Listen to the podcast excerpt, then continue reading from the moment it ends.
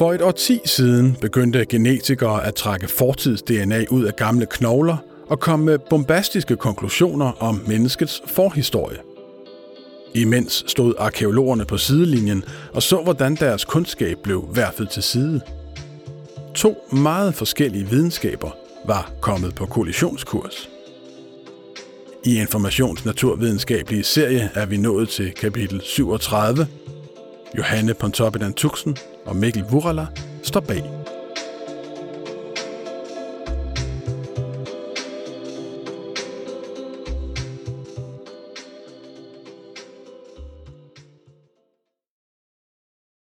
Det var temmelig åbenlyst, at det ikke ville blive nogen behagelig samtale. Ikke længe forinden var professor Eske Villerslev kommet hjem fra en rejse til USA, fordi der på grund af DNA-resultater fra hans gruppe var blevet sat to streger under en betændt sag omhandlende et 9000 år gammelt skelet. Det var blevet fundet ved bredden af Columbia River i 1996, og den første arkeolog, der kom til stedet, målte kraniet og proklamerede, at skelettet var af europæisk afstamning, hvilket var vigtigt. For var det af indiansk afstamning, kunne de indianske stammer kræve, at det blev udleveret til dem og genbegravet.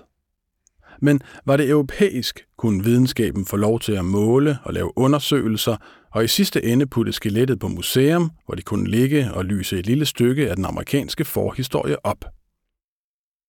Sagen endte i retten, og det var noget værre bøvl, der havde stået på i over et årti, da Eske Villerslev i al hemmelighed blev kontaktet for at høre, om han måtte kunne lykkes med at lave en DNA-undersøgelse af skelettet og finde ud af dets afstamning. Det kunne han. Så i 2015 rejste han til Seattle for at deltage i en pressekonference, satte sig til rette på scenen, flankeret af fem indianere i fuld dragt, og afslørede resultatet. Det gamle skelet var ikke europæisk. Det var indiansk. Arkeologerne blev rasende. Netop den arkeolog, der i første omgang havde målt kraniet og proklameret, at det var af europæisk afstamning, var troppet op til pressemødet helt rød i hovedet, og det var ham, Eske Villerslev, nu efter at være vendt hjem til København, skulle have en samtale med. Opkaldet kom. Manden tonede frem på skærmen, og som det allerførste sagde han, We don't like you. Eske Villerslev, lidt forundret. Hvem kan ikke lide mig? Lang pause. Everybody. For sådan er videnskab også. På kollisionskurs. Ikke mindst når to videnskabelige retninger tørner sammen i en kamp om, hvem der ejer forhistorien. Genetikerne eller arkeologerne.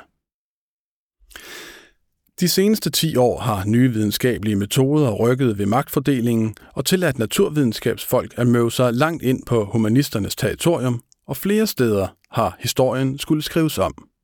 Og imens har arkeologer råbt højt om genetikernes forsimplede konklusioner. Men i begyndelsen var det hele knap så overbevisende. Faktisk startede forskningen i fortids-DNA med at snuble over en sandwich i 1984 lykkedes to forskere med noget fuldstændig uhørt. Ud fra et stykke saltet kød fra et uddødt zebraagtigt dyr, fik de trukket nok DNA til at finde ud af, hvilke dyrearter det var i slægt med. Og det var vildt. For med det kunststykke modbeviste Alan Wilson og Russell Higuchi noget, man troede var en sandhed. At DNA ikke kan overleve, når kroppen er død. Ikke ret længe i hvert fald. Vores DNA er under konstant angreb. Mindst 50.000 gange i døgnet. Mens vi lever, bliver skaderne repareret, men når vi dør, forsvinder redningstjenesten, mens skader bliver ved med at opstå. Derfor, lød resonemanget, var det vanvid at tro, at DNA kan overleve over tid. Men det kunne det. Midt i 1980'erne blev der opfundet en DNA-kopimaskine, PCR-metoden, som gjorde det muligt at opformere DNA, så selv små mængder kunne analyseres. Og så kastede videnskaben sig ud i det ene eksperiment efter det andet. Der blev fundet forhistorisk DNA fra en mumie, fra en borebille indespærret i en klump rav, og i år 2000 lykkedes det at forløse alle dinosaurentusiasters våde drøm, at udtrække en anelse DNA fra en triceratops, den legendariske dinosaurus med horn i panden og nakkekrave. Og ikke nok med det. Det viste sig, at Triceratopsens DNA var et 100% match med en kalkuns. Og så væltede det hele. I forvejen havde en skepsis ulmet gennem 1990'erne, og den eksploderede nu i en blanding af forløsning og skadefro. Et 100% match med en kalkun. Det betød med største sandsynlighed, at det lille DNA-stykke ikke stammede fra en triceratops, men fra en, ja, kalkun. Sikkert fra en kalkuns sandwich, som en fra forskerholdet havde spist. DNA-kopimaskinen, viste det sig, kopierede hvad som helst, så længe det var DNA. Og det var enormt nemt at komme til at forurene sine prøver, hvilket vil sige, at vi ret beset havde brugt et par årtier på at kopiere os selv. Og så blev der stille. Indtil et kapløb otte år senere vendte alting på hovedet, og det ikke bare var DNA-metoden, der genopstod, men selve fortidsmenneskene. Det kunne ikke lade sig gøre. Sådan lød beskeden. Det kunne ikke lade sig gøre at lave studier af forhistorisk DNA på sin egen art. At tro, at man kunne adskille vikinge-DNA fra DNA-forureningen fra os nutidsmennesker, glem det. Alligevel kastede både Eske Villerslev og den svenske paleogenetiker Svante Pæbo sig over opgaven. Begge ville de være den første til at aflæse arvemassen fra et fortidsmenneske. Der var kort forinden blevet udviklet en ny og meget bedre metode til at aflæse DNA, og nu lød startskuddet til et hækkeløb, der endte i 2010, da begge forskningsgrupper med tre måneders mellemrum kunne fremvise resultatet. Det lykkedes. Portene til fortiden var slået op, og de følgende år fulgte det, der bliver kaldt The Bone Rush. Forskere væltede ud af universiteterne og ind på museerne med deres strimmelmaskiner for at skære i knoglesamlinger. Nogen skulle bruge en halv lårbensknogle for at aflure de gamle fund deres genetiske hemmeligheder, andre en øreknogle. Med langt større datamuskler end før kastede genetikerne sig over den ene hypotese efter den anden, der var blevet udtænkt og argumenteret frem gennem årtiers arkeologisk og antropologisk og lingvistisk arbejde og testede dem op mod det, som genetikken kunne fortælle. Og imens stod arkeologerne og så DNA-folket ødelægge deres samlinger og i store medieoverskrifter overtage fortællingen om forhistorien indtil de for alvor kom op af stolene, da genetikerne i 2015 genoplevede en teori, som de fleste arkeologer for længst havde lagt i graven. Det var nemlig ikke bare en teori, som arkeologerne havde hørt før. Det var en fordømt historie, som var befængt med nazismens stank. I 2015 sendte noget så fredeligt som en udgivelse af det videnskabelige tidsskrift Nature rystelser igennem den arkeologiske verden for i den udgave, volume 522, kunne man slå op og læse to historier, der begge havde fortids-DNA som deres ryggrad, og som begge smækkede låget på Pandoras æske op. Den ene kom fra Eske Villerslevs gruppe, der havde undersøgt 101 skeletter spredt ud langs sin rute fra Centralasien til Nordjylland. Den anden kom fra en amerikansk forskningsgruppe, som havde undersøgt arvematerialet fra 69 skeletter og de to artikler fortalte samme historie. Det tredje årtusind før Kristi fødsel var en tid med massemigration. Det var ikke til diskussion. Det stod skrevet i generne.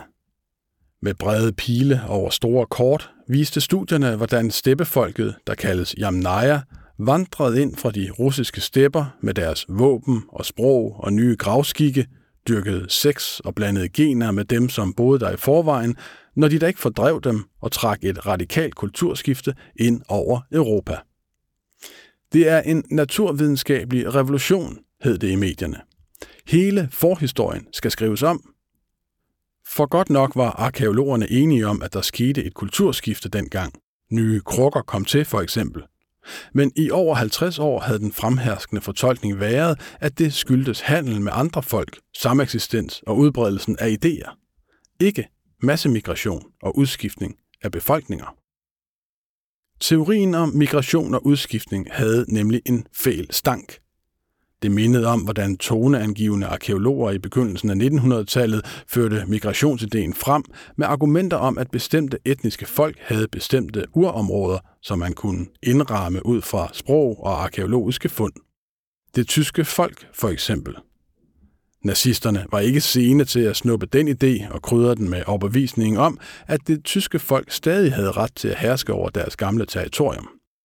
Og så stod arkeologien der, efter 2. verdenskrig, med et Europa i ruiner og en arkeologisk teori, der var vævet ind i mørkets og brutalitetens klæde. Så de vendte sig bort fra de store generelle teorier. Migrationsideen var alt for simplistisk, indvendte arkeologer i 1960'erne. Den fremherskende teori blev i stedet ført frem under banneret Pots are not people. At en ny slags potte vandrer fra stepperne og ind i Europa, behøver ikke at betyde, at den blev båret forrest af en invaderende horde. Den kan have skiftet hænder på handelspladser, eller at dens pottemager kan have delt sine hemmeligheder med andre. At sætte lighedstegn mellem spredning af krukker og udbredelsen af et etnisk folk er galimatias. Der fandtes dog en helt tredje videnskab, der blev ved med at holde fast i ideen om folkevandring. I 1800-tallet havde sprogforskere gjort den opsigtsvækkende opdagelse, at en lang række sprog fra Indien til Europa var beslægtede. Man kunne følge de sproglige lydes udvikling og udgreninger over landkortene, og det eneste, der ifølge sprogforskerne kunne forklare dette slægtskab, var, at sprogene havde spredt sig via migrationer fra et oprindeligt hjemland. Men selvom sprogforskernes teori var væsensforskellig fra nazisternes, var ideen for betændt for arkeologer, der afviste lingvisternes evidens som uvidenskabelig. Det var det spor, det indoeuropæiske sprogs vandring over kortene, som genetikerne i 2015 undersøgte men at de ud fra et begrænset antal skeletter spredt ud over kontinentet kom med skråsikre og bombastiske konklusioner, der netop genoplevede de gamle migrationsidéer, var en rød klud for mange arkeologer. Det er et udtryk for molekylær chauvinisme, sagde en molekylær antropolog et par år senere til Nature. Det er som om genetiske data, fordi de bliver lavet af folk i kitler, indeholder en rendyrket sandhed om universet, sagde han. Sprogforskerne derimod var begejstret. Når man taler med både genetikere og arkeologer, omtales tiden omkring 2010 til 2015 som de tidlige år. Der er en vis konsensus om, at genetikerne måske bullerede lidt for voldsomt frem med håndfaste konklusioner. Men også at en del arkeologer måske følte sig gået for nær og fik en frygt for, at de fra nu af bare skulle grave knogler op af jorden, som de så kunne levere videre til genetikernes analyse og fortolkning. Siden de tidlige år har noget været under forandring. Flere af de største forskningssteder i verden gør en dyd ud af at have både genetikere, arkeologer, lingvister og fysiske antropologer, der arbejder sammen i store grupper, så de forskellige videnskaber sammen kan fortælle den bedste version af forhistorien.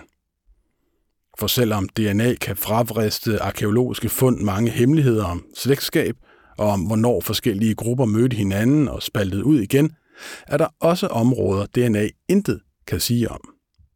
Hvordan skelettet levede, da det var omvundet af muskler og hud og vandrede rundt i landskabet for eksempel. Hvordan sværet blev lavet, hvorfor man byggede netop den type huse, hvilket sprog man talte, og hvad guderne hed. Eller som Eske Villerslev siger, for en 7-8 år siden var jeg meget mere snæver og fokuseret på, hvad DNA kunne vise. Nu tolker vi tingene sammen, og så bliver den endelige historie meget stærkere.